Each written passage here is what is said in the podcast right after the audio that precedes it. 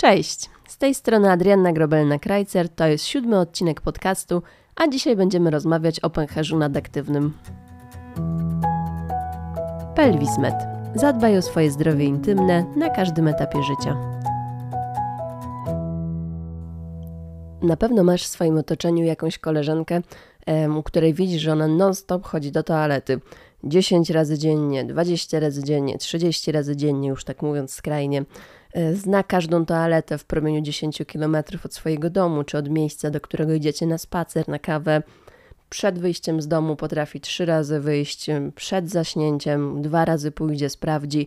Ten pęcherz moczowy nie daje jej spokoju. Tak naprawdę całe życie w pewnym momencie zaczyna się kręcić wokół pęcherza moczowego i wokół tej silnej, dużej potrzeby oddania moczu.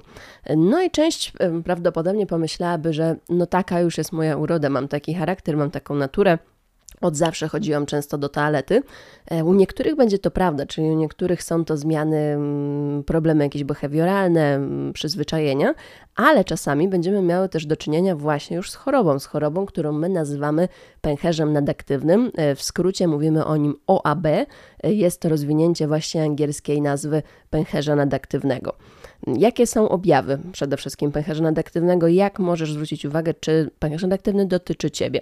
Przede wszystkim e, pierwszym takim najbardziej charakterystycznym objawem jest tak zwany częstomocz dzienny.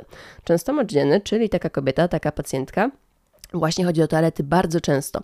No i teraz trzeba by tak naprawdę zastanowić się, co to znaczy często, bo dla mnie często to będzie na przykład 20 razy, a dla Ciebie często to może być 6 razy. I teraz normy wszelkie odnoszą się oczywiście do spożycia płynów, czyli to, ile razy będziesz w toalecie, jest zależne od tego, ile płynów tak naprawdę wypijesz.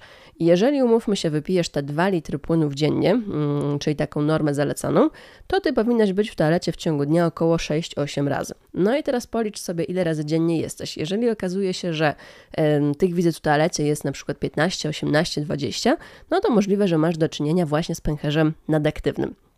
Co jest ważne, pęcherz nadaktywny będzie aktywował się również w nocy.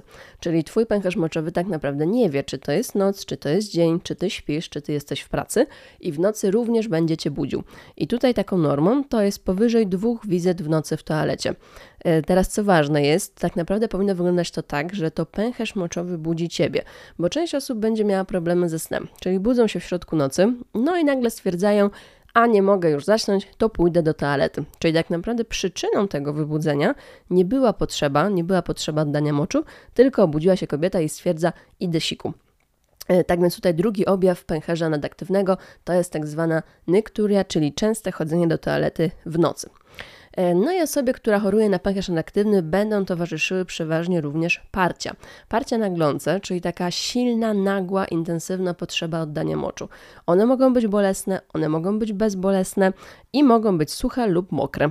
Suche oznacza, że w trakcie takiego parcia nie dochodzi do popuszczania moczu.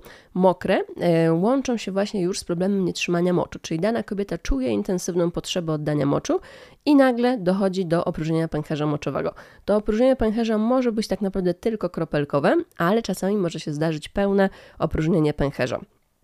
Mogłabyś pomyśleć, że to jest rzadka choroba, a właśnie tutaj Ci zaskoczę, bo nie, bo tak naprawdę w Polsce mówi się, że ponad 18% dorosłych Polek choruje, cierpi na pęcherz nadaktywny, czyli tak naprawdę nie jest to e, mała grupa osób.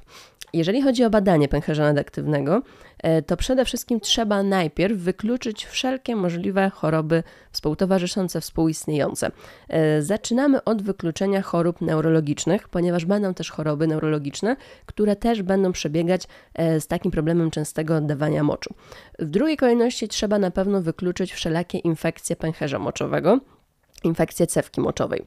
E, na pewno musimy zwrócić uwagę na e, wszelkie problemy ginekologiczne, ponieważ jeżeli dochodzi do ciebie, u ciebie do obniżenia pęcherza moczowego, taki problem również może dawać parcia na glące, czyli przy obniżeniu tobie również może chcieć się często siku, no a w tym wypadku niekoniecznie będzie to właśnie pęcherz nadaktywny, tylko problem obniżenia pęcherza moczowego, czyli na przykład przedniej ściany pochwy.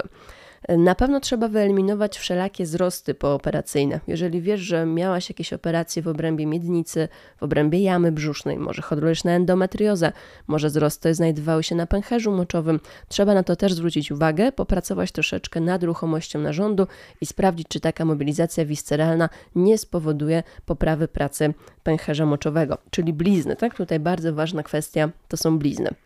Mm, jeżeli chodzi o przyczynę mm, pęcherza nadaktywnego, tej choroby, to tak naprawdę my w 100% nie wiemy, co jest jasną i jawną przyczyną tych parć naglących. Mówi się, że jest to choroba schorzenie idiopatyczne, czyli ma charakter idiopatyczny, co w języku medycznym znaczy, że tak naprawdę właśnie nie ma przyczyny. E, są dwie hipotezy, są dwie teorie mówiące o nadmiernej aktywacji mięśnia wypieracza. Mięsień wypieracz to jest mięsień, który leży nad pęcherzem moczowym i to jest mięsień, który będzie się kurczył w momencie, kiedy pęcherz moczowy wypełnia się moczem. Czyli mamy odpowiednią ilość moczu w pęcherzu moczowym, pęcherz moczowy się rozciąga, rozciągają się ściany pęcherza, zaczynają reagować receptory, które informują e, mięsień wypieracz o wypełnieniu pęcherza. No i czasami dochodzi do sytuacji, gdzie ten mięsień wypieracz jest nadreaktywny, jest nadaktywny, co będzie skutkowało właśnie powstawaniem częstych i licznych parć naglących.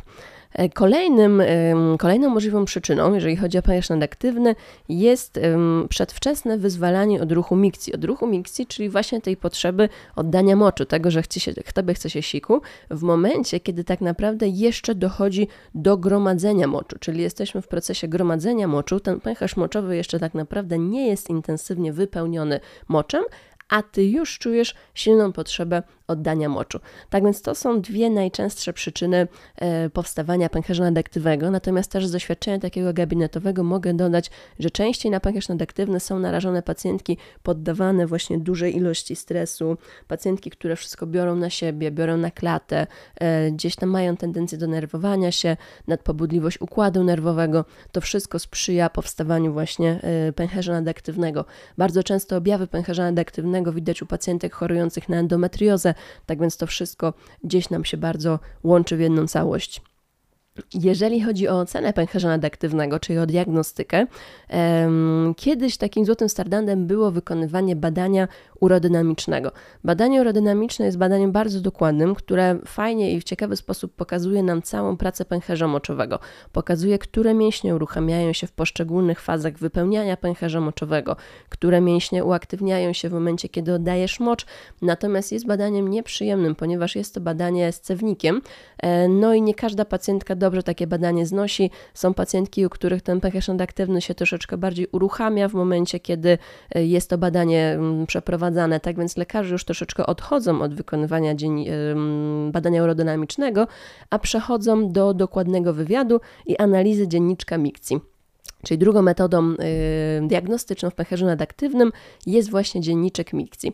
I dzienniczek mikcji jest to tak naprawdę taka tabela mm, stworzona na minimum dwa dni, mm, dzięki której obserwujemy Twój tryb oddawania moczu.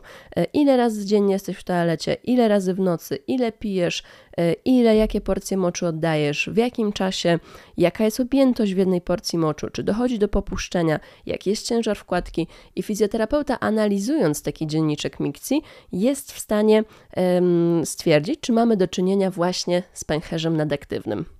Jeśli my już wiemy, że Twoje dolegliwości faktycznie mają podłoże w pęcherzu nadaktywnym, no to musimy teraz zastosować odpowiednie leczenie do Twoich objawów. E, na pewno pierwszą taką linią, jeżeli chodzi o obronę, będzie e, trening behawioralny, będzie terapia behawioralna.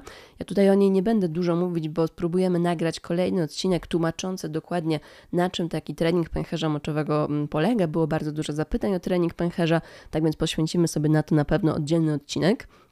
E, musisz dać sobie sprawę, że są pewne produkty, których spożywanie będzie pobudzać pracę Twojego pęcherza moczowego i między innymi będzie to kofeina, czyli e, substancja zawarta oczywiście w kawie, napojach energetycznych, Coca-Coli e, i będzie to między innymi również teina, czyli substancja zawarta w czarnej herbacie. Tak więc jeżeli zmagasz się z dużą ilością wizyt w toalecie, Ty często chodzisz siku, tego moczu jest faktycznie dużo, pęcherz moczowy Cię goni do toalety, warto byłoby rozważyć odstawienie na jakiś czas kofeiny, teiny, sprawdzenie jak Twój organizm zareaguje na taką eliminację i możliwe, że będzie to tak naprawdę świetne rozwiązanie problemu bez żadnego leczenia farmakologicznego.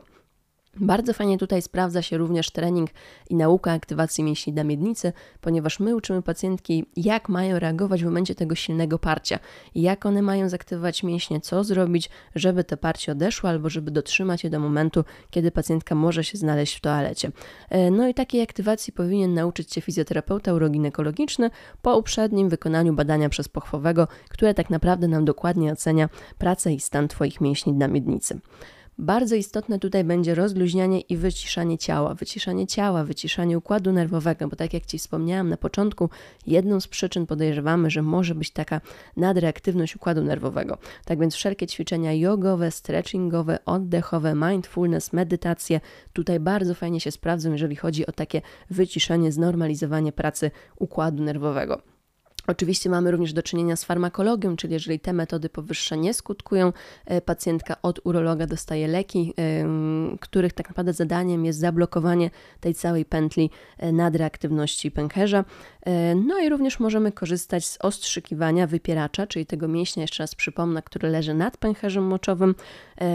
Ostrzykuje się wypieracz toksyną botulinową i to też przynosi bardzo fajne efekty, natomiast faktycznie taką terapię ostrzykiwania trzeba prawdopodobnie powtarzać co kilka miesięcy. Tak więc podsumowując, tak jak widzisz, przede wszystkim najpierw trzeba wykonać dokładną diagnostykę, obserwację tego sposobu oddawania moczu i na jej podstawie dopiero jesteśmy w stanie stwierdzić, czy my mamy realnie do czynienia z chorobą, jaką jest pęcherz nadaktywny, czy może to są jakieś błędy wynikające z Twojego systemu oddawania moczu. Na dzisiaj dziękuję serdecznie. Mam nadzieję, że troszeczkę Wam to wyjaśniło, e, jak wygląda problem pęcherza nadtyknego, czy to jest problem e, każdej pacjentki, czy jest to problem, czy jest to choroba przede wszystkim. Zapraszam Was na kolejny odcinek, w którym troszeczkę więcej omówimy sobie pytań na temat treningu pęcherza, na temat tego treningu behawioralnego. Jak zawsze zapraszam Was na mojego bloga Fizjoterapia na Szpilkach, gdzie słowem pisanym też już troszeczkę znajdziecie na temat pęcherza nadaktywnego. Zapraszam oczywiście na Instagrama, gdzie codzienne relacje z gabinetu się pojawiają i oczywiście na stronę pelvismed.com, gdzie możecie się umówić na wizytę. Dziękuję serdecznie, do usłyszenia w kolejnym odcinku.